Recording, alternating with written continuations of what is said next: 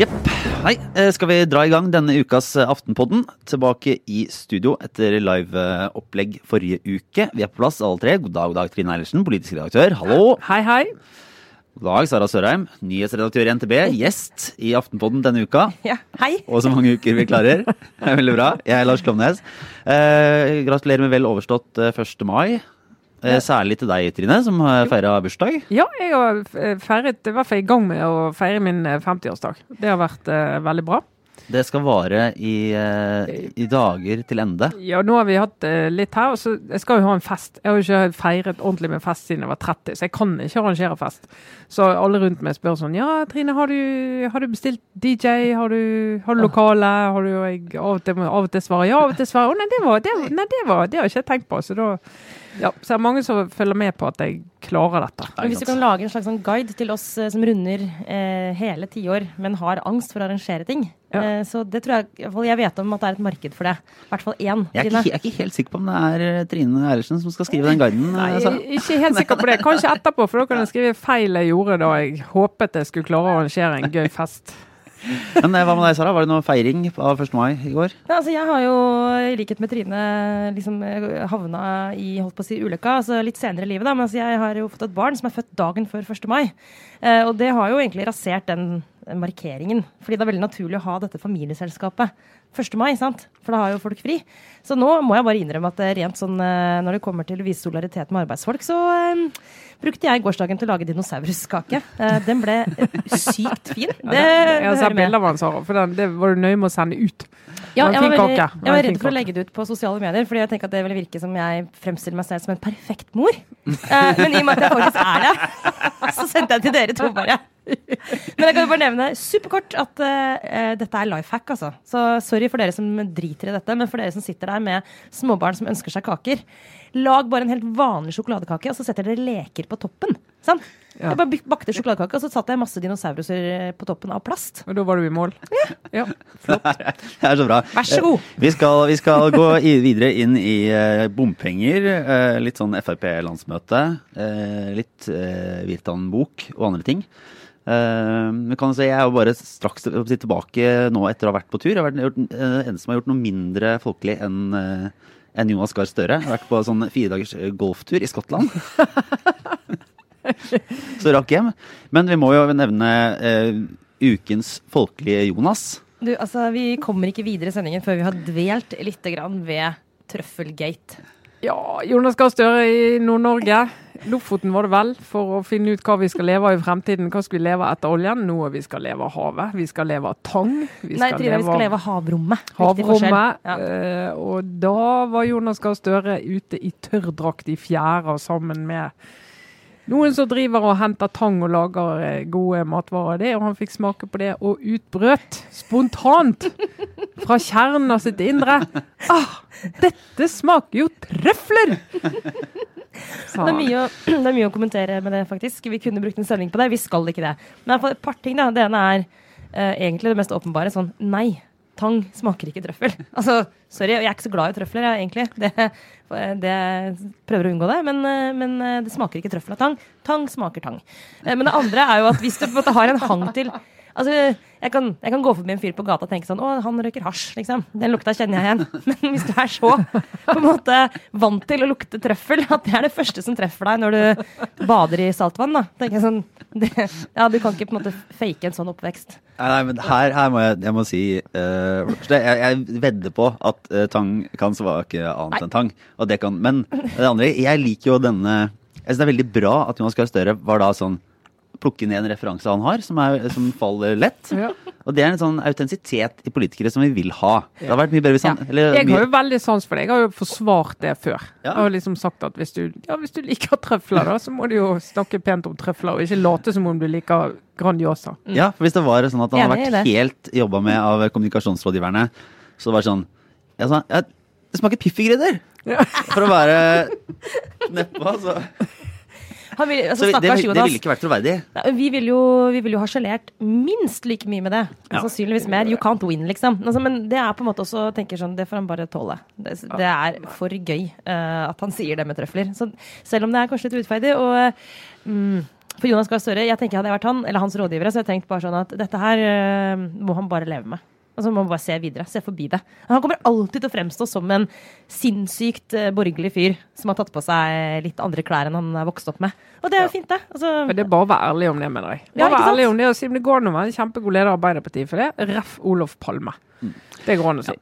Eh, Men eh, til et annet eh, da, fenomen som eh, nå brer om seg, og som vi skal snakke mer om. Den store bompengemotstanden. Vi kan da starte med å anbefale et par musikalske innslag som eh, vi fyrte oss opp med her eh, på, i forkant. Som ene er den, en, sånn, eh, en video en, eh, som ble lagt ut på YouTube av denne folkeaksjonen eh? Nei til mer bompenger. Ja, fra Sandnes. Som er lagd på, på melodien til en sånn gammel Creedence-låt. Ja, og du vet bare at alt som er lagd på melodien til en gammel Creedence-låt, eh, det er ikke få sanger. Det er jo eh, en hel generasjon som har liksom vokst opp med særlig konfirmasjoner eller bryllup eh, og funnet noe gammel Creedence. Det, du vet bare at det er ikke bra. Det Sorry. det er veldig Det dårlig, blir aldri bra. dårlig gjort med Creedence. Ja. Ja. men det er sånn, Skrevet på melodien til en gammel Creedence-låt, og så skrevet eh, på en formiddag ute i hagen eh, over en kaffekopp. Det nok. Ja, da blir det Men det var, ja, det var en fra Sotra også, ditt uh, arnested, uh, Trine. Ja, som også har laget en som vi hørte på. Ja. Også for nei til mer bompenger i det området, også rundt Bergen. Den var mye finere, den sangen. Ja. Det sier jeg, kan jeg si sånn uten å være preget av mitt geografiske, min geografiske bakgrunn, for dere er enig? Ja. Eh, Vi er enige. Ja. Ja. Men eh, bortsett fra det rent kunstneriske, eh, som, eh, som kan sies å ha et passe lavt eh, nivå, eh, hvor på nivåskalaen er dette en, eh, liksom en, en påvirkning og trussel mot eh, de etablerte partiene, og kanskje særlig Fremskrittspartiet? Ja, altså Hvis du skal se på det som skjer eh, på Vestlandet, og i Bergen spesielt, så er det jo åpenbart en trussel mot Fremskrittspartiet. Dette nye Nei til Folkeaksjonen Nei til mer bompenger, Ja. FNB, kan vi kalle det. Men du, og er det et kaller de seg sjøl. Ja, det er jo et parti med lister i ti, ti jeg trodde det var elleve, men nå leste jeg i dag ti kommuner. eh, og i flere fylker. Fire fylker? Ja. Ja, eh, så de har jo lister og liksom ordførerkandidat i prinsippet. da, sant? Og i Bergen så fikk de jo da 16,9 på forrige meningsmåling for, uh, for Bergen, som jo var et jordskjelv. Uh, og der de tar velgere fra først og fremst, de tar jo for alle, de tar fra store men først og fremst fra Frp. Og da tar de liksom en kjernesak som Frp har hatt, og har, i særlig byene, som jo er de som har mye bompenger, eller mest bompengeringer, og knabber litt sånn saken fra de. Er det, men den, det er et annet klipp, da, fordi det, det her kan eh, Det er jo veldig mye sånn folkelig engasjement. Det er liksom nesten gule vestene nede i Sandnes og Stavanger. Og det er jo lett å få et litt sånn ja, i hvert fall når de sitter på avstand, så kan man le litt av den voldsomme hun, eh, engasjementet og hun som ropte at, at de ble voldtatt av staten, og at det, det er på en måte ordbruken og, og retorikken er så hard og voldsom. da. Og det ser litt eh, sånn klovneri ut, eh, hvis den skal være stygg. Er det, ligger det et faktisk politisk parti her som, som, som skal noe, få gjort noe, eller er det bare protest? Nei, altså, de har jo klart å gjøre en eh, folkelig aksjon om til et parti. altså De har greid å mobilisere og organisere seg, sånn at de har greid å stille lister da, i en del kommuner. og nå som igjen Bergen og Sandnes annet, blir jo veldig spennende kommuner å følge til høsten. Eh, og de har jo eh, klart å ta denne her voldsomme aggresjonen over eh, sånn nå kommer bommene. Folk har hørt at nå skal det bygges ny vei her, vi skal ha samferdselsprosjekt der. Det skal være bompengefinansiert. Men det er litt sånn abstrakte størrelser helt til de bommene faktisk kommer, og du ser hva du skal betale hver gang du kjører gjennom der. Og da ser vi jo at I Bergen har de hatt bompenger siden 80-tallet. Det var den første byen egentlig hvor du hadde bompenger. Og de sa ok, vi kommer ikke til å klare å bygge noe nye, bedre veier her, eller bedre busstilbud, eller noe som helst hvis vi ikke har egenfinansiering, så det må vi gjøre. Masse protester. Og så så folk at eh, jo, vi får jo faktisk bedre veier og bedre busstilbud av dette. Så det var veldig rolig i mange år. Men så skjer noe når de nye bommene kommer. Og det som har skjedd nå, så gjør vi den voldsomme protester i Drammen, i Bergen, Nord-Jæren, Sandnes. Det handler om disse byvekstpakkene, som er samferdselspakker som regjeringen har inngått med disse kommunene. som handler om at staten går inn med 50% finansiering. De blir enige om hva samferdselsprosjekter har vi lyst til å gjennomføre i vår region innenfor en tidsperiode. Jo, vi har lyst til å ha sånn og sånn vei, vi har lyst på sånn og sånn eh, kollektivutvikling, vi har lyst på sånn og sånn sykkelvei, gangvei. Altså alt som er i en pakke. Sier staten vi betaler halvparten av det hvis dere kan garantere at biltrafikken ikke øker. Altså så kan bygge vei, men du kan ikke bare bygge vei og hemningsløst slippe til biler. Og det må være sånn at befolkningsvekst i din region det materialiserer seg ikke i økt biltrafikk. Det er klimadimensjonen i det. Det er kravet. sier. Men hvis, hvis vi er enige om det, så betaler vi halvparten. Og det er det største andelen staten noen gang har vært inne med i den type prosjekter. Så sett fra staten og regjeringens side er dette en raus ordning. Men det er det som utløser behovet for bom bomringer? Ja, så kommer du ut der, og så start, okay. starter du prosjektene og sier ok, vi skal betale halvparten sjøl. Altså bilistene her skal gjøre det. Mm. Eller de som tar kollektivtrafikk, hva det måtte være. Hvis dette skal gå opp, så må vi inn så og så mange kroner. Da må vi sette opp nye bomringer. Pluss at vi skal ikke øke biltrafikken. Så Nei. vi er nødt til å ha bomringer som også gjør at det ikke er så veldig fristende å kjøre bil. Men dette, kan det være sånn fordi nå, Dette er veldig interessant for meg å høre, for jeg må jo innrømme at hvis du har vokst opp et sted hvor liksom kampen mot skjenkeringen er mye mer naturlig å engasjere seg i.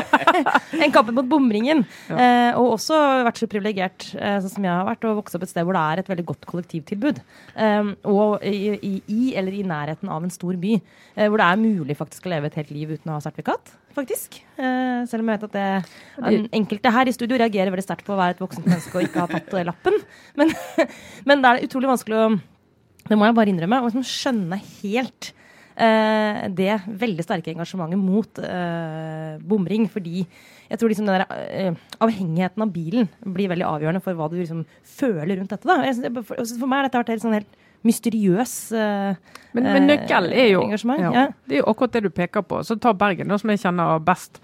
Der er det jo, eh, har det jo hele tiden vært at eh, noen av disse pengene skal vi bruke til å forsterke og bedre kollektivtilbudet. Bussene skal gå hyppigere, og det skal være billigere. For det, er ikke det bra eller for alle, liksom? Og det er bra for alle. Og jeg må si på de siste 20 årene har det vært en revolusjon også der. Altså ikke så bra som i Oslo, ikke i nærheten, men likevel mye, mye bedre enn det var. Men så skjer det noe når de nye bomringene kommer, og folk sier OK, i mitt liv Og da har du kanskje hatt en byutvikling der du ikke har egentlig tatt hensyn til den delen av infrastrukturen. Du har bygget spredt. eh, Du har lagt opp der folk skal bo på ene siden av byen og Ja. jobbe på andre siden av byen. Og hvis du da skal levere i en barnehage og innom en skole, eh, så blir du plutselig avhengig av bil, det kollektivtilbudet er ikke godt nok. Mm. Og da er det noen opplever at de har utgifter på både 10 000 og 20 og 30 000 kroner ekstra Mm. i sin hverdag, og mener at det ikke er realite realiteter i at de skal velge kollektiv, for da tar det en og en halv time til jobb. Eller er to faktisk- timer til jobb. Ja. Og da er det liksom sjøl folk som vanligvis ikke er engasjert i dette, blir forbanna og sier at nå er det nok. Og, det litt, og den følelsen er det de har gått inn i. Og så kan du spørre deg, hvordan havnet politikerne her? Mm. Da må vi tilbake til et par år og si at en av de viktigste sakene, politiske sakene i Norge er samferdsel. Mm. Det har vært enorm vilje til å bruke penger på samferdsel. Nasjonal transportplan fra to år siden er helt absurd omfangsrik. Han er altså, Det, det, det, det fins ikke prioriteringer i han. Det er bare sånn Har du en vei du har lyst på? En bro, en tunnel, en undersjøisk, oversjøisk? Hva vil du ha? Legg det inn her. Er det ikke den halve, halve Vestlandssangen? En, Ja, Gjennom en tunnel over et fjell. ja, ja, virkelig. Så bare kom her, og så legger vi det inn, vi. Og så, men så har de jo lagt inn en, sagt det, men 130 milliarder i denne pakken her. Må bilistene betale sjøl. Og det er mye høyere, mye høyere sum bompenger enn det har vært før. Og så skal jo plutselig prosjektene i gang, og bompengene skal hentes inn. Og da skjønner folk at det var, veldig gøy med den NTP-en, Nasjonal transportplan, for to år siden. Men nå begynner vi å se hva dette faktisk innebærer. Men- og da er det, da er det ikke så, så, så gøy. Og så viser det også bare at uh, hvor utrolig viktig i liksom, byplanlegging det med transport og logistikk er. Og, og det å bygge tett. altså den Ideen om å ha sånn drabantbyer langt utenfor byen. Det er også selvfølgelig ikke minst i et miljøperspektiv. Da. Eh, at Jo tettere folk bor, jo mindre har de behov for eh, forurensende transport. Men også det at, eh, og det har jeg faktisk, når du forklarer det, Trine, veldig forståelse for. altså Det er en del ting du bare må gjøre i et liv. Levere i barnehage, levere på skole, komme deg på jobben hvis du har jobb. Og at det plutselig, hvis du da må krysse én eller to eller kanskje tre, for alt jeg vet, bomstasjoner, og du har ingen måte å kunne velge det bort på, Det skjønner jeg at vekker et, et engasjement. Uh, men da burde man kanskje rette liksom, sinnet litt der det hører hjemme, da. Ja, men, og Der mener jeg at uh, politikerne, og det er utfordringen til Frp nå, for det var jo der vi begynner. De skal ha landsmøte til helgen. Og bompenger kommer til å bli et tema der. Hva skal de gjøre? De sitter med ansvar i regjering, de sitter med ansvar i flere kommuner. Uh, også i, i, flere kommuner på Vestlandet har jo de vært mot Ost her i Søviknes sin kommune f.eks. Uh, partiet er helt imot bompenger. Han har gått med på bompengeprosjekter fordi at det har vært den måten de har kunnet fått gjennomført de samferdselsprosjektene de ville ha. Og I uh, Frp så var jo Hva skal jeg ikke si da? Nå var det å si nei, eller det å akseptere bompenger der, ja. uh, det har hengt ved han lenge. Ja, ja, det har rett og slett vært det sto plett på hans politiske rulleblad i partiet. Det har vært et argument mot at han skulle få verv. Sant? Og Det har vært liksom sagt åpent at nei, det har han gått med på, det, det går bare ikke an. Men realitetene spiser jo alle. De spiser også Frp-politikere når de er i, i, regjering, og det er de nå. Og hvis de skal nå utfordre bompengepartiene, så må de jo komme med noe konkret. Og da må de f.eks. si neimen, la nå staten betale mer. Det kommer ikke til å skje. Altså, hvert fall de jeg har snakket med i regjeringsapparatet, sier at det går ikke an å love det, for de kommer ikke til å øke andelen. Så da er det andre alternativ med å ta ned ambisjonene. Ta, altså færre samferdselsprosjekter. Og Da hørte Sylvi Listhaug i Drammen i går. og Hun sier nå bilistene skal betale for sykkelveier, gangveier eh, og kollektivtrafikk. Vi skal melke bilistene. Det går ikke. Men det er bare det at du får ikke støtte fra staten til disse prosjektene hvis ikke det er en høy kollektivandel. For du skal ikke ha økt forurensende biltrafikk. Men, jeg lurer på, fordi uh, Fremskrittspartiet i, de står litt sånn i innvandringsspørsmålet. Så har de jo faktisk klart, da, stort sett uh, i løpet av de seks årene de har vært i regjering, å ikke sprekke fullstendig. Altså de, de, har klart å, de står egentlig nå på mye av den samme innvandringspolitikken som resten av det politiske Norge. Altså de regjerer jo på det. Eh, og det er ikke så kjempestore forskjeller, men velgerne har egentlig ikke hatt noe alternativ. Så de har ikke, sånn, de har ikke rømt fra Frp til noen andre, for de vet at Fremskrittspartiet er eh, nei til innvandringspartiet. Og det, det, får de der, og det får de kanskje ikke noe annet sted. Får de samme mekanismen på bompenger? At folk tenker sånn nei, det er faktisk ikke noe særlig annet alternativ, så vi lar det gå, for de mener det innerst inne, og de kjemper i hvert fall for vår sak? Eller er det er det mindre rom for dem til å trå feil på bompenger. Det rommet der er mindre. for du merker nå, Jeg hørte Jens Syve Listhaug i går som sier at eh, ja, altså, ja, vi har gjort mye i regjering som vi skulle ønske ikke hadde skjedd på bompenger. Eh, for vi vil jo helst ikke ha bompenger, det er vårt primærstandpunkt. Men vi er ikke et større parti, og det er ikke mer vi kan gjøre. Det samme de har gjort på innvandring. sagt det at nei, vi har tatt det så langt som vi kan. Men det er bare det at der ute opplever ikke de at Frp har tatt det så langt de kan. For de opplever nå økte bompenger, flere bompasseringer. Det er det ene. Sånn at det, det, det, det lyder hult å si det. Og det andre er jo at uh, disse prosjektene her blir jo vedtatt lokalt. Så er jo lokalpolitikere av forskjellige fag. Noen steder Frp, noen steder er det Rødt, noen steder er det blandinger på kryss og tvers. sånn at her er det jo mye større rom for å mobilisere lokalt også enn det er i den innvandringssaken. Men videre, I Oslo så skal det jo komme flere nye bomstasjoner i løpet av sommeren. Uh, regnes jo som et, eh, et litt uh, uheldig politisk håndverk, eller i hvert fall uh, timing, å skulle få ja. det rett før et valg. Uh, men Frp i Oslo har det jo bare gått nedover med.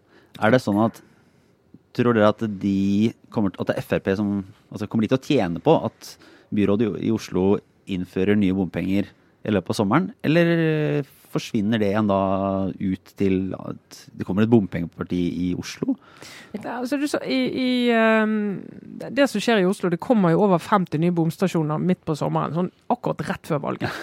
Så en politisk strateg hadde jo sagt at ikke engang tenkt på å gjøre det og nå er det jo ikke, det var, noen, det var jo ikke noen som planla det. Det er litt sånn tekniske grunner og forsinkelser til at det ble sånn. For de hadde jo ønsket at dette skulle skje for lenge siden. Sånn at, for det er jo en politisk strategi at du må ta upopulære ting i god nok tid før valget, sånn at folk er blitt vant til det og har glemt det og litt tilgitt det og tenker at ja, ja, vi får bare, får bare holde ut. Det er mye annet bra som skjer. Det er liksom logikken. Så kommer dette, så det kommer jo til å bli tema. Og for en del kommer det til å bli ganske kronglete mm. eh, å komme seg rundt i byen uten å få en ganske høy eh, utgift. Så det kan bli et tema. Men samtidig i Oslo da, så er det jo veldig mye altså de gode alternativ, i motsetning mm. til i de andre byene og andre stedene.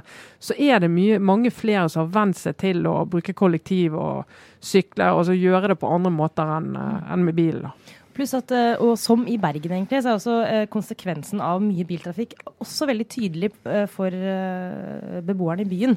For du var inne på Trine, det med at det er når det treffer deg sjøl og ditt eget liv. At liksom, politikk blir, blir jo eh, reelt for de aller fleste, naturlig nok. Eh, og på den ene siden, ja, du må betale bompenger, men, men når det kommer varsler om vinteren, om at liksom, barn under fem år eh, bes holdes innendørs fordi det er så mye smog i lufta, så er det liksom sånn direkte konsekvens av antallet biler som er ute og kjører på veien, i kombinasjon med været, da. Men altså, det er helt reelt i Oslo. så er det, sånn, det er også lett for innbyggerne å se det helt, um, den umiddelbare liksom, positive konsekvensen av uh, at vi skal kjøre mindre bil. Så, og pluss selvfølgelig at i en storby så har du en litt annen type holdning til en del av disse spørsmålene, tror jeg. Uh, sånn at, ja, jeg vet ikke, Lars, det vil bli spekulasjon hvordan det vil slå ut, men du kan i hvert fall se at sånn som MDG, omstridt eller ikke, de treffer jo også mange velgere med, med sin politikk. Så og, hvert, kan i hvert fall si at det er sammensatt i Oslo. Det er veldig vanskelig å se at den eh, bompengesaken skal være ensidig negativ for eh, ledelsen her, da. Mm. Ja, vi. Noen vil faktisk eh, kanskje sannsynligvis til og med være glad for det. Ja. Eh, Kort videre inn i eh, Fremskrittspartiets landsmøte, som starter på Gardermoen. Mm. Der de pleier å være. Er det noen større saker som kommer til å komme ut av dette? Så Sylvi Listhaug var ute med et utspill om strengere straffer innenfor spesielle områder. Men eh, det var vel noe som tyda på at det, det hadde ikke noen sånn stor politisk fremtid, akkurat det forslaget. Nei, altså det er jo eh, Hun har jo leder, eller leder, det her innvandrings- og integreringsutvalget. Alle partiene holder på med det for tiden, å for, forbedre sin innvandringspolitikk. Vi har jo ingen, det kommer jo ingen innvandrere til Norge for tiden, så da kan du kan du gjøre det. Ingen asylsøkere, i hvert fall.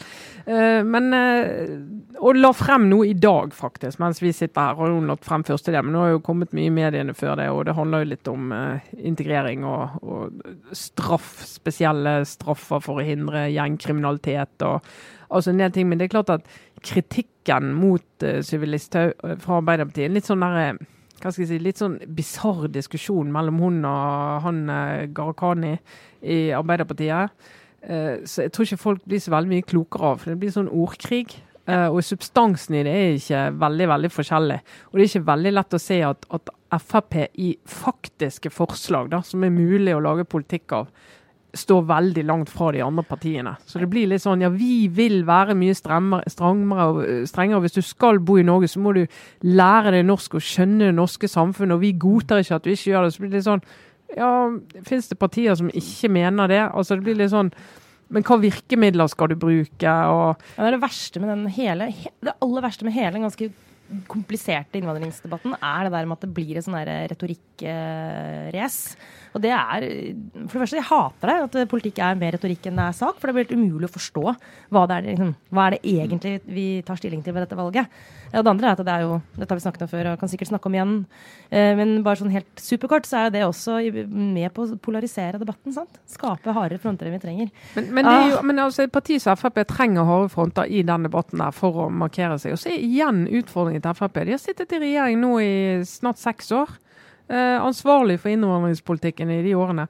Og liksom nå å komme veldig høyt på banen, selv når det ikke er en veldig sånn Det er ikke noe asylsøkerbølge. det er ikke noe stå, Flyktninger og asylsøkere står ikke og banker på døren. Arbeidsinnvandringen går ned. altså det er Folk opplever det ikke som en sånn veldig krisestemning. da.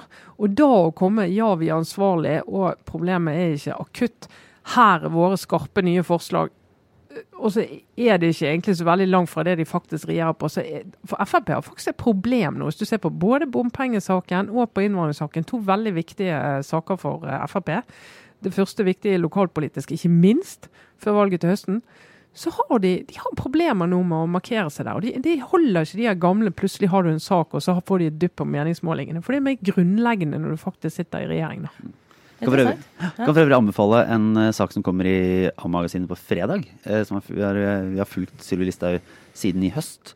Uh, som er et ganske sånn fascinerende innblikk. Tett på henne litt hvordan hun ser på den offentlige debatten, og eh, hvordan hun bare elsker det når det har kommet sånne mm, Altså sånne typiske konfliktsaker. Da, den, eh, den, han, eh, hva heter han skuespilleren i Stavanger? Kristoffer Kristoffer Joner? Ja, ja, ja, som kom med den, eh, det som var en kampanje, og hun forteller at hun, da hadde hun egentlig en sånn skikkelig traurig dag og var liksom syk og hun var gravid og sliten på det tidspunktet. Og så så hun den kom og skjønte at det var eh, et samarbeid med en sånn kampanje. Og da har hun bare sånn åh, bare skjønt at dette kommer til å bli en god dag.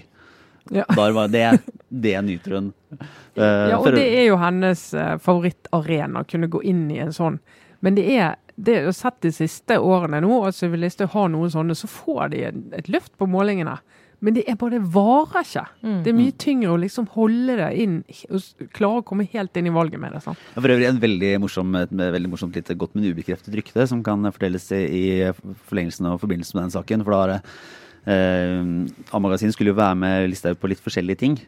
Eh, men, og da er det jo litt sånn eh, i sånne lengre prosjekter så forhandler man jo litt på hva er det som ok, hva er det vi kan være med på, hva er det som er greit, hva er det som ikke er greit. Og da var det en, eh, en veldig tydelig oppfordring, ikke fra Listhaug selv eh, nødvendigvis, men fra rådgiverkorpset, at eh, ikke ta bilder og ikke skriv om at hun kjører elbil. Gjør hun det? Ja, altså Hun har flere biler, da, men en av bilene de har, er en elbil. Og det var sånn uh, Det passer ikke. Det passer seg ikke.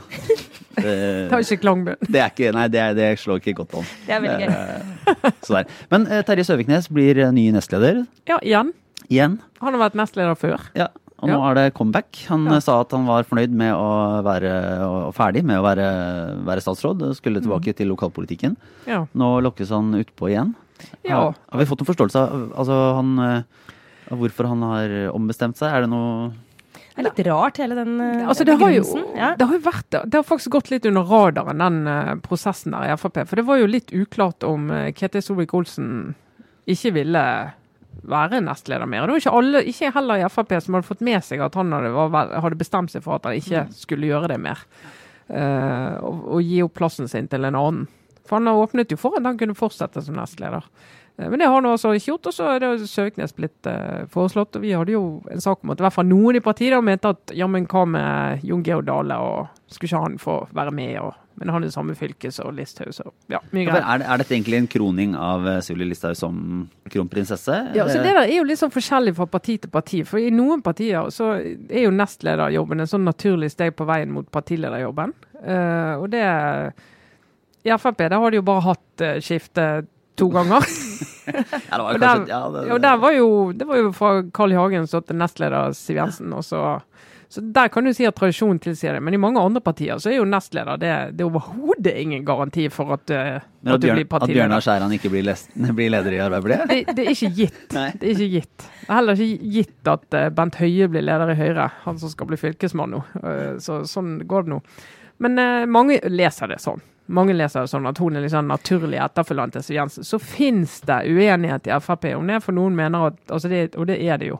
Det er et retningsvalg for Frp å si at de skulle velge en Jon Georg Dale, da, så det er en helt annen type, helt annen type profil.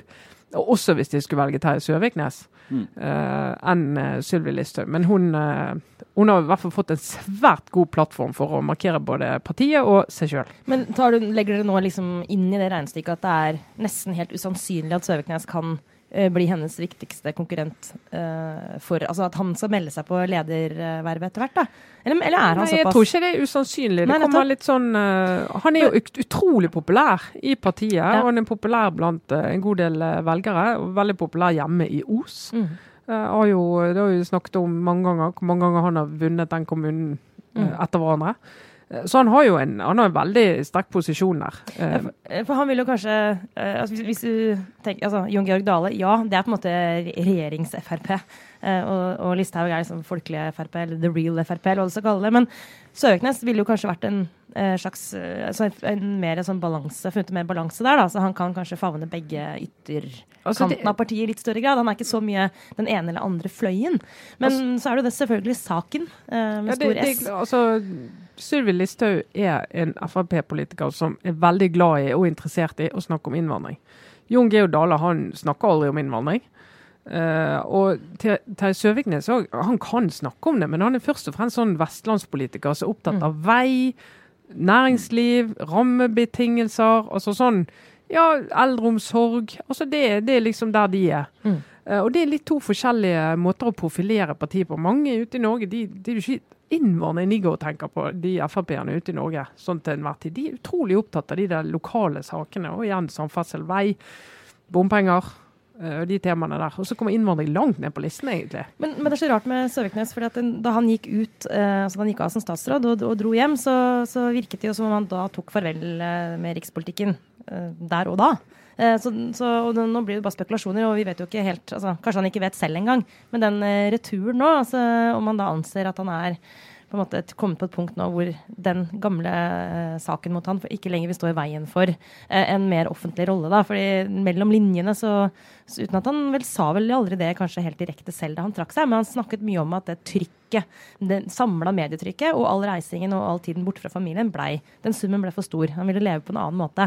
Og så er jo nestledervervet i partiet selvfølgelig ikke en like øh, sånn, altså, Det er ikke en rolle som, som, er like offentlig da, som statsråd, og han ville sikkert ikke få den samme eksponeringen, men, men litt rart likevel, for da er han jo på en måte tilbake på Riksarenaen veldig kort tid etter. da. Så jeg er spent på hva, hvordan dette skal spille seg ut øh, i altså, årene som kommer. Han skal jo ha blitt overrasket over i hvor stor grad den uh, saken om det overgrepet på hotellet i Tønsberg ble dratt opp igjen når han ble statsråd. Mm. Det, det, skal han ha blitt veldig overrasket over. fordi at Der så han har vært politiker, i Os og på Vestlandet, så har jo folk vært ferdig med det og på en måte vent seg til at han var tilbake igjen.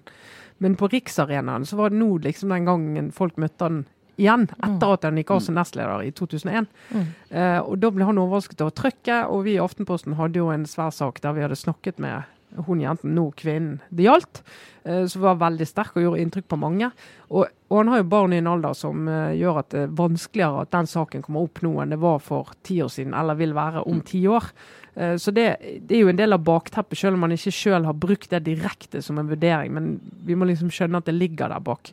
Og så er det det at å gå inn som nestleder, så kan du ta en sånn Ola Borten Moe funksjon at du er jo nestleder, men det er det jo ingen som merker. Ja. Så er det vel, var det, hvordan er det omtalt? Var det kanskje ikke formelt sett beskrevet eller avdømt som et overgrep, men det var vel eh, sånn det ble oppfattet i hvert fall? Av, ja, eller, er, eller hvordan er det, tenker du at historiefortellingen uh, Ja, det blir jo henlagt. Ja. Det blir jo henlagt. Ja. Men uh, han har jo sjøl sagt at det aldri skulle ha skjedd.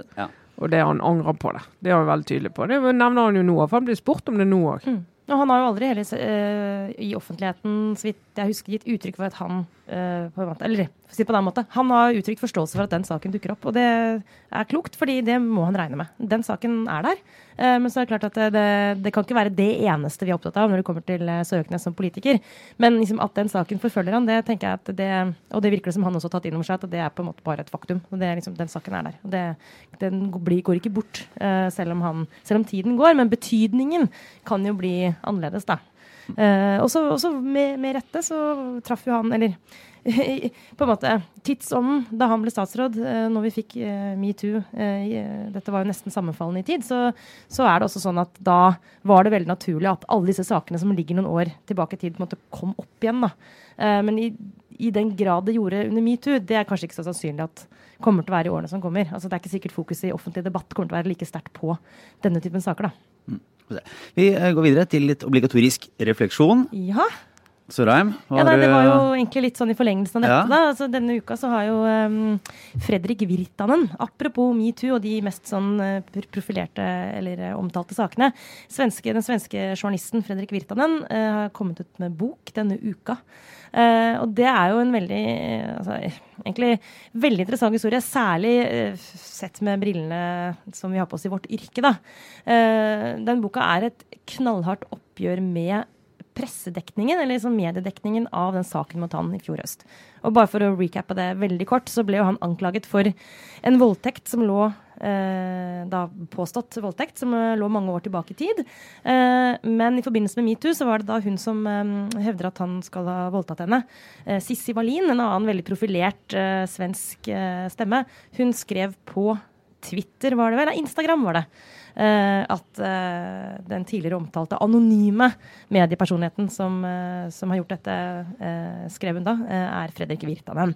Og det ble starten på en ganske vanvittig for han da, dekning av denne saken. Og han mista jobben som kommentator i Aftonbladet. og gikk på en veldig sterk liksom, personlig smell, naturlig nok, i kjølvannet av det. Men kjernen i denne saken, grunnen til at boka er interessant, er at Saken ble etterforsket. Uh, han ble anmeldt for voldtekt. Saken ble etterforsket og henlagt, så han er ikke dømt. Men han opplever seg som dømt mange år senere i en slags folkedomstol. Da.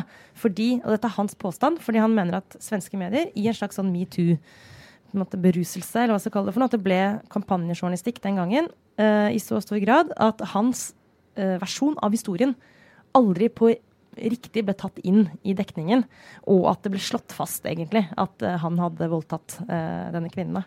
Veldig, sånn, jeg mener det er veldig nyttig å på en måte ta med oss hans side av denne historien. Det var jo veldig interessant, det var på Scoop-konferansen, altså den gravejournalistkonferansen i Tønsberg eh, tidligere i år. Og da var hun journalisten eh, som var fra Oppdrag granskning ja. fra svensk TV, som lagde en, eh, en sending og en, en, dokumentar om akkurat denne saken og medienes dekning som kom ut for et år siden nå omtrent.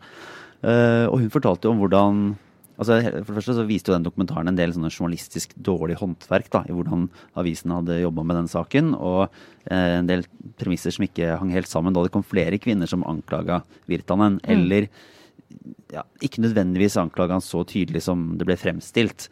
Uh, og det var noe så, Men også hun som lagde den dokumentaren, fikk jo en helt en enorm uh, offentlig motbør mot seg i den der ja. kampanjekrigen som var.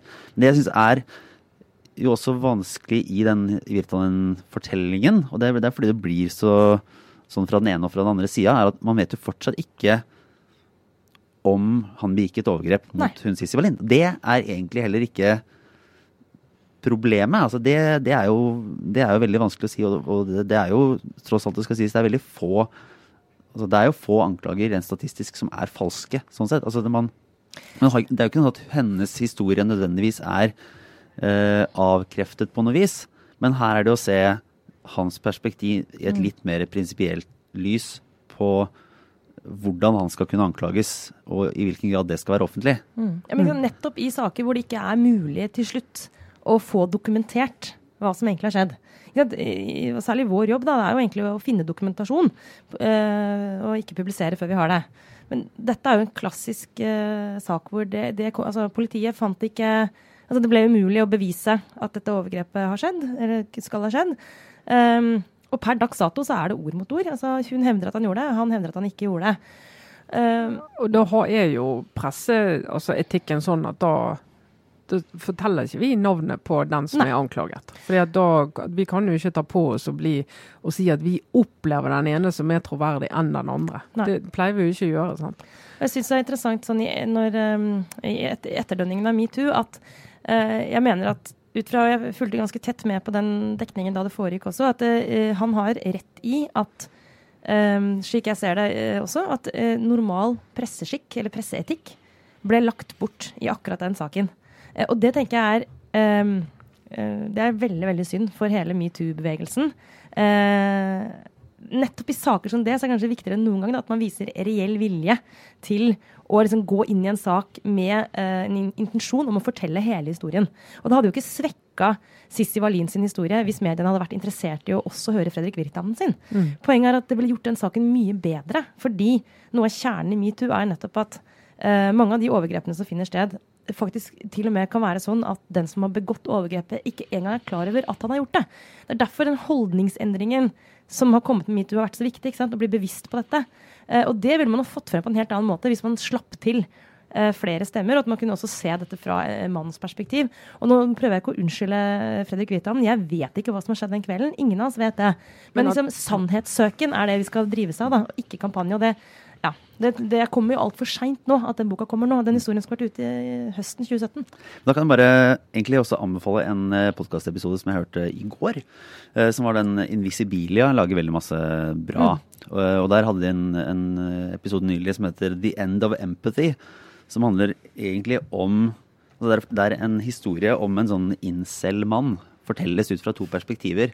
Og det er litt med den medienes rolle i å forme, forme historien. Mm. Det ligger de, utrolig mye makt i ja, det. Og de utforsker den der, hvor mye sympati man skal ha i den ene framstillingen og den andre, og om det er en fordel å vise fram, å menneskeliggjøre de som ellers ville framstå som skurker og, og fallgrubbene ved å gjøre nettopp det. Så det kan være en sånn eh, interessant liten oppfølger til den uh, diskusjonen da, som er in Invisibilia med The End of Empathy. Ja, og, og, og, en sånn helt sånn generell ting som ikke gjelder bare metoo-dekningen, men det er jo liksom, det er fare på ferde. Det bør egentlig lyse en rød lampe. Når du begynner å liksom, litt sånn systematisk eh, holde noens stemme, eller noen stemmer eller noen synspunkter litt sånn eh, systematisk ute av en løpende diskusjon. ikke sant?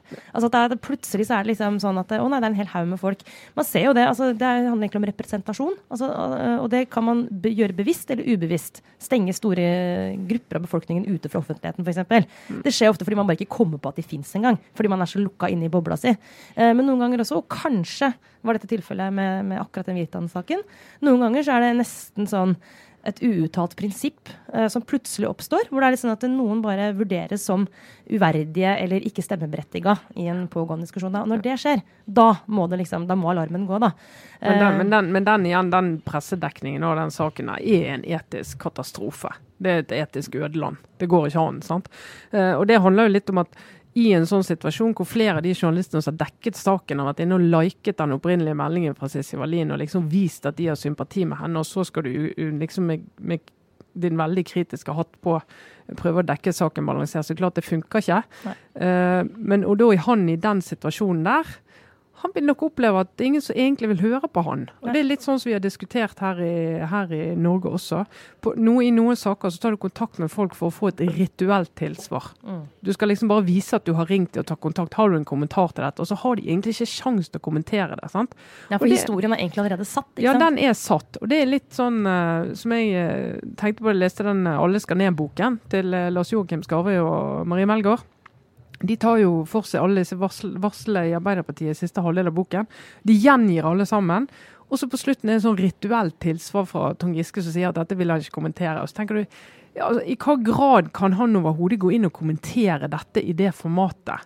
Og med den tilliten han har, eller ikke har, til de journalistene. fordi at hele saken er kommet så langt som han er kommet, og har fått den innrammingen han har fått. Så noe, han kan ikke gå inn i det. Mm. Og da blir det litt sånn Ja, men vi har ringt, vi.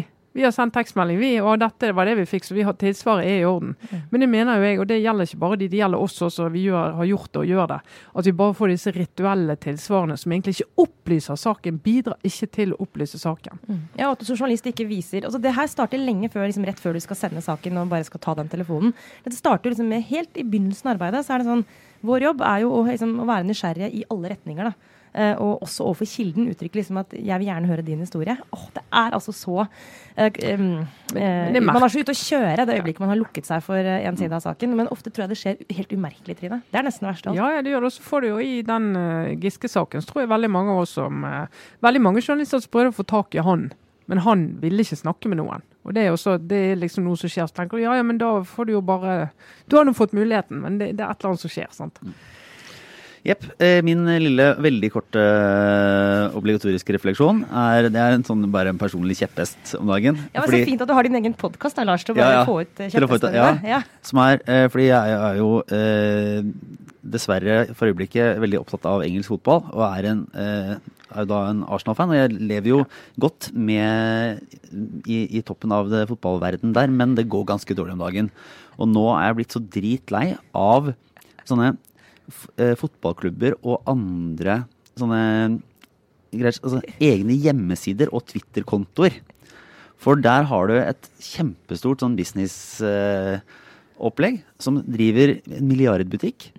Og så stenger de av all sånn presseegentlig dekning og slipper nesten ikke til intervjuer. Og så har de masse sånne egne propagandakanaler. Så når det har gått ordentlig gærent og gått til helvete, så kommer de med en sånn derre eh, Ny kamp neste uke! Opp på hesten igjen! Bla, bla. Ingen kritiske spørsmål. Det går egentlig bra. Det går egentlig Ja. bra. Og det er det verste av sånn corporate eh, kommunikasjonsstrategi som skjer eh, tett på når du er som mest forbanna fordi at ting ikke går bra. Så Men ikke kommer de ikke det veldig gammeldags måte Jo. å kommunisere på? Ja, men, men fotballen er helt fucked på um, altså Det er så corporate, akkurat det som ordet er. Hva skal vi si det på norsk? Så gjennomkommersialisert. Og det er så mye sånn makt eh, og penger som fordeles på få hender i det systemet der. Eh, og liksom eh, Ja, oss vanlige folk på tribunen er liksom, har ikke noe vi skulle sagt. Og det er, lagene eies av dødsrike oligarker ja. og Nei, det er jeg enig med deg, Lars. Jeg kan kjenne på et sånt Jeg blir irritert av hele det der apparatet, jeg også. Men faktisk, da, så jeg, jeg blir enda mer irritert av uh, sutrete supportere. Altså, og, det er verre enn sånne overpositive ansatte i fotballklubbene. For jeg er Liverpool-supporter. Å, herre min gud! Liverpool! Den beste sesongen ever nå. Hold, kjempe fortsatt om seieren i Premier League. Ja, Manchester City kommer nok til å vinne. De må liksom, ja, Trine, du må holde to minutter til. De må sannsynligvis avgi poeng for at Liverpool helt, eller de må det for at Liverpool skal kunne vinne, og det kommer ikke til å skje. Men det har vært en helt fantastisk sesong. Da blir jeg så utrolig irritert når det skal sitte folk og sutre og klage. Og selv etter i går, som var en grusom eh, hendelse, en grusom kveld for Liverpool. Men poenget er at laget spilte kjempebra. Tapte mot Barcelona i semifinalen i Champions League, Trine. Høres ut som 3-0. i Liverpool. Ja, det var det. Var det. Poenget var at det var en fantastisk kamp! Og det må man kunne glede seg over, Lars. Så hadde jeg vært, og kanskje er det egentlig hadde vært min drømmejobb, hadde jeg vært propagandaminister i Liverpool, så skulle jeg gjort det. Så Skulle jeg lagt ut en tweet og sa 'Come on, lads', det var en fantastisk kamp. Å, det er fæle greier. Ja. Ja, ja. Trine, Nei, jeg skal ta jeg, noe som jeg mener timingen er veldig god for. Jeg skal snakke om konfirmasjon. Åh. Eh, og da skal jeg spørre retorisk og litt tabloid, hva er poenget med det? Og da eh, Nå er det jo mange 15-åringer som skal konfirmeres. Noen i kirken, og noen uh, borgerlig. Eller det heter ikke det lenger, det heter humanistisk, vel? Ja. Mm. Uh, og i gamle ja, dager motsetning til sånn antihumanistisk. Antihumanistisk, ikke sant? Ja, inhuman. ja. I gamle dager så ble jo alle konfirmert, konfirmert i kirken, og det var litt sånn bekreftelse på dåpshandlingen. og ja, nå er du gammel nok til å liksom forholde deg til det, og vil du gå videre med det, og det vil jo alle og måtte. Men den gangen var det også en markering, i hvert fall. Altså, det kommer jo ikke fra, fra si, teologien, da, men i tradisjonen så var det en markering av at du gikk over i de voksnes rekker. Et, et overgangsrite lærte vi at det het på skolen. Ja, overgangsrite. Og det var litt sånn, Mange begynte å jobbe når de var 15 år, gjerne ferdig med obligatorisk skolegang. Eh, Det var ikke uvanlig å gå ut i, ja, det var en forutsetning for at du kunne få læreplass. altså Du måtte liksom være gjennom dette for at du kunne bli behandlet som et voksen menneske. Og da er det sånn genuint overgangsrite. I dag så alle disse 15-åringene skal eh, konfirmeres. De er jo midt i barndommen. sant? De er midt i barndommen. Eh, og ja, i kirken så kan du jo ta en sånn bekreftelse av dåpshandlingen. Det må du jo gjerne gjøre. Eh, men den humanistiske eller humanetisk, eller hva det nå heter for tiden, det er jo litt sånn Ja, hva er det, da? Det er sånn, ja, Da skal du lære liksom om hvordan du skal være gangs menneske. Og hvordan du skal, og da går det an å argumentere for at du skal bare flytte dette tre år ut og si at du tar det rundt 18-årsdagen, når folk i vår tid faktisk er på terskelen av voksenlivet, sånn som du var før når du var 15 år. For nå er du 15 år altså du er et barn. Er Altså, et barn. konfirmasjon er en slags sånn crowdsourcing, er det det heter? En sånn der eh, innsamlingsaksjon for å finansiere det stadig dyrere tenåringslivet. Det er det det er. Masse foreldre, altså det er litt sånn pussig. Skal Ja, skal du ha en fin seremoni og kjempefin tale, og og det er jeg helt sikker på er kjempefint. Det er sikkert helt supert. Jeg har vært der og holdt tale òg for uh, humanetiske konfirmanter. Og de er flotte, og de er rørende og alt det der. Men det er litt sånn, jeg vil argumentere for å flytte dette tre år, sånn at vi tar, tar konsekvensen av at folk faktisk har denne, dette ritualet når de nærmer seg voksenlivet. Og ikke når de er 15 år og egentlig bare midt i skolegangen og midt i alt, og bare får mye mer penger enn de har godt av å ha, Ja. til å bruke på ting de ikke burde bruke Og så dem få, det, få det inn rett før russetida, så gi litt, litt mer moralsk ballast Ja, før og, man skal ja, ut og hilsen tante Pose. Ja. Ja, men, og ikke minst fordi da man da mm, liksom, moralsk sett på en måte kan servere alkohol i konfirmasjon. Fordi, eller Det må bare sies, så unnskyld til alle som jeg har vært i konfirmasjonsselskap til, og unnskyld til alle jeg sikkert skal i selskap til. Jeg elsker dere og alt sånt, men er, konfirmasjon er den kjedeligste av alle eh, familiesituasjoner, egentlig. Dåp, da kan man ha litt sånn deilig tørr hvitvin. Man man ikke tro at jeg er avhengig av alkohol, men det er bare det hjelper på når du sitter sammen med storfamilien og, og kunne drikke litt, da. Det mener jeg liksom er en sånn Men på konfirmasjoner er, det er svært krevende å skulle insistere på en sånn tenåringsfest. Bryllup derimot, eh, og også begravelser. Det kommer inn en slags eh, jeg vil nesten si munterhet i enkelte begravelser. Selvfølgelig ikke de Ja, mest tragiske. Ja, men det gjør det jo. Men selv en begravelse etterpå, kan for det er en lettelse etterpå ofte. ja, sant? Og kan da- bli en varm og fin fest. Dåp, selvfølgelig. Det er jo nydelig og flott, det. Men babyen bryr seg liksom ikke så veldig mye, så den ikke å ta så mye hensyn. Det er på en måte foreldrenes fest. Ja. Men akkurat konfirmasjon, altså, det er vanskelig å få til å svinge. Ja, det er sånn mellomgreie. Ja. Det er sånn mellomgreie. Men eh, altså, konseptet. Konseptet, Hvis vi nå går med på at dette er et overgangsritual, så kan du ikke, da må du ha det en gang når det er en overgang. Ja. Du kan ikke holde på med når du er 15 år. Er det noe vi kan gjøre for å liksom få dette til å skje? Jeg, Altså, tror, jeg tror at her har jeg null gjennomslag. Her. Også her. Også her. Og om noen år så mm. kommer jeg sikkert til å stå med guttene mine i en eller annen sånn i rådhuset eller et eller annet sted i konfirmasjon Ja, ja, og tenke at ja, ja, her er- står vi, her står vi.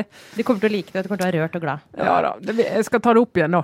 Nei, men eh, Det er vel omtrent det vi får til i dag, tenker jeg. Så eh, fortsetter vi videre i uka. Neste uke. Nei, da er det Hva er det? Nei, hallo, neste uke, Lars, du må jo tease. Neste uke er det jo endelig et slags crescendo i den nå etter hvert ganske uttværa Steve Bannon-diskusjonen. Ja. Da skjer den altså- i Bergen, og rett i bakkant av det Ja. skal vi snakke om annet det i Bergen. ja. Ja, Direkte, holdt jeg på å si, altså foran et publikum. Og senere, vil jeg tro, eh, ute i eteren, eller hva vi skal kalle det for noe, internettet. eh, fra med, nordiske mediedager i Bergen. Hvor vi altså, altså skal gjøre en aldri så liten sceneopptreden. Den er dessverre for folk som har kjøpt Eller ikke dessverre, altså den er for folk som har billett eller er deltakere på nordiske mediedager. Det er ikke åpent for alle.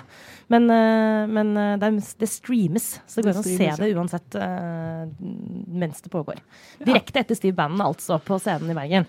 Det blir interessant. Jeg, er Ja. faktisk, jeg må bare si veldig spent på hva, hvordan den sesjonen skal, kommer til å utarte seg.